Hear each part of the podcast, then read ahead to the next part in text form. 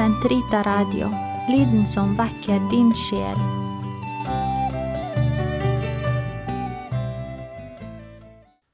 Den katolske kirkes katekisme, uke 20, onsdag, paragraf 1362 til 1368.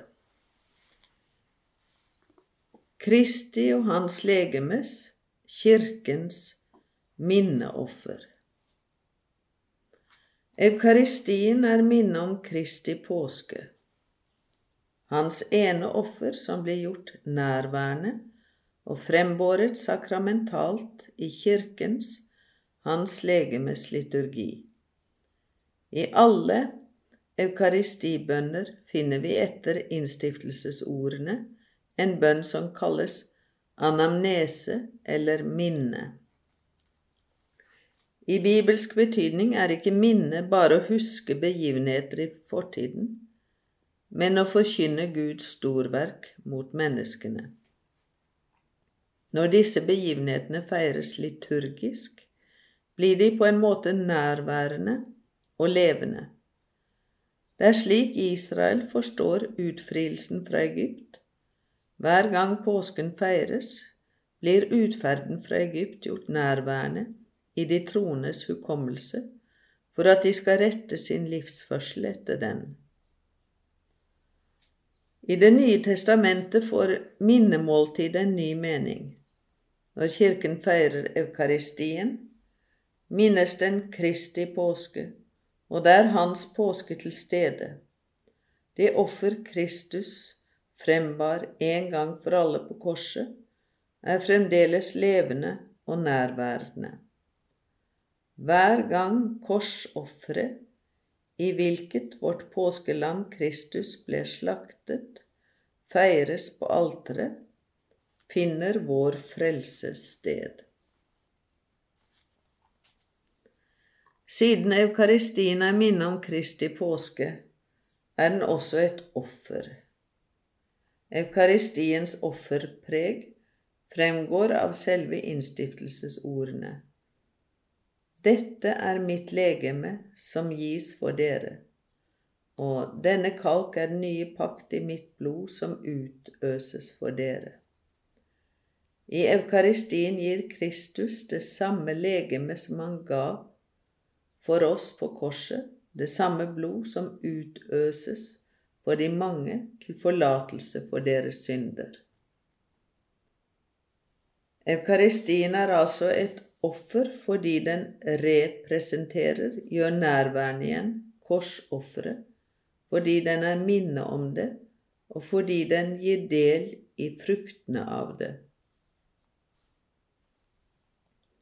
For selv om Kristus, vår Gud og Herre, henga seg selv til Gud Faderen ved å dø på korsets alter en gang for alle, for der å utvikle for dem, menneskene, den evige gjenløsning, og for at hans prestedømme ikke skulle utslukkes ved hans død, overlot han ved den siste nattverd, i den natt han ble forrådt, til kirken, sin elskede brud, et synlig, slik menneskenaturen har behov for, offer, i hvilket det blodige offer han en gang for alle skulle bære frem på korset, igjen skulle bli gjort nærværende, representaretur, og minne om det forbli til verdens ende, og dets frelsende kraft bli anvendt på de synder vi hver dag begår.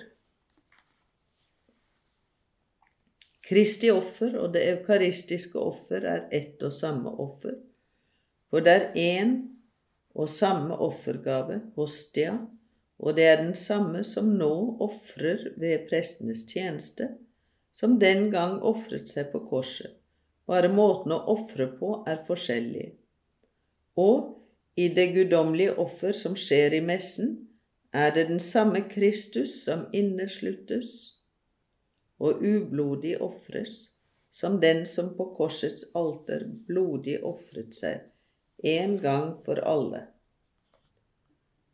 Eukaristien er også kirkens offer. Kirken, Kristi legeme, har del i sitt hodes offer.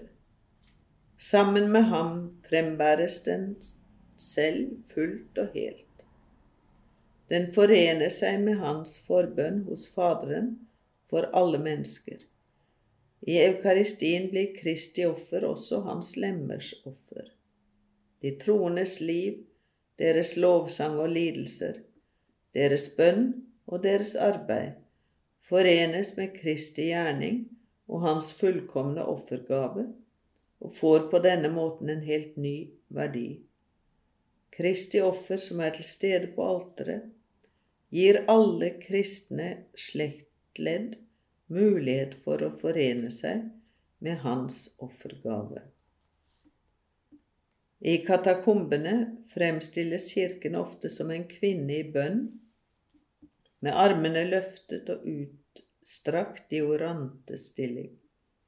På samme måte som Kristus strakte sine armer ut på korset, bærer Kirken frem seg selv og går i forbønn for alle mennesker, ved ham og med ham og i ham.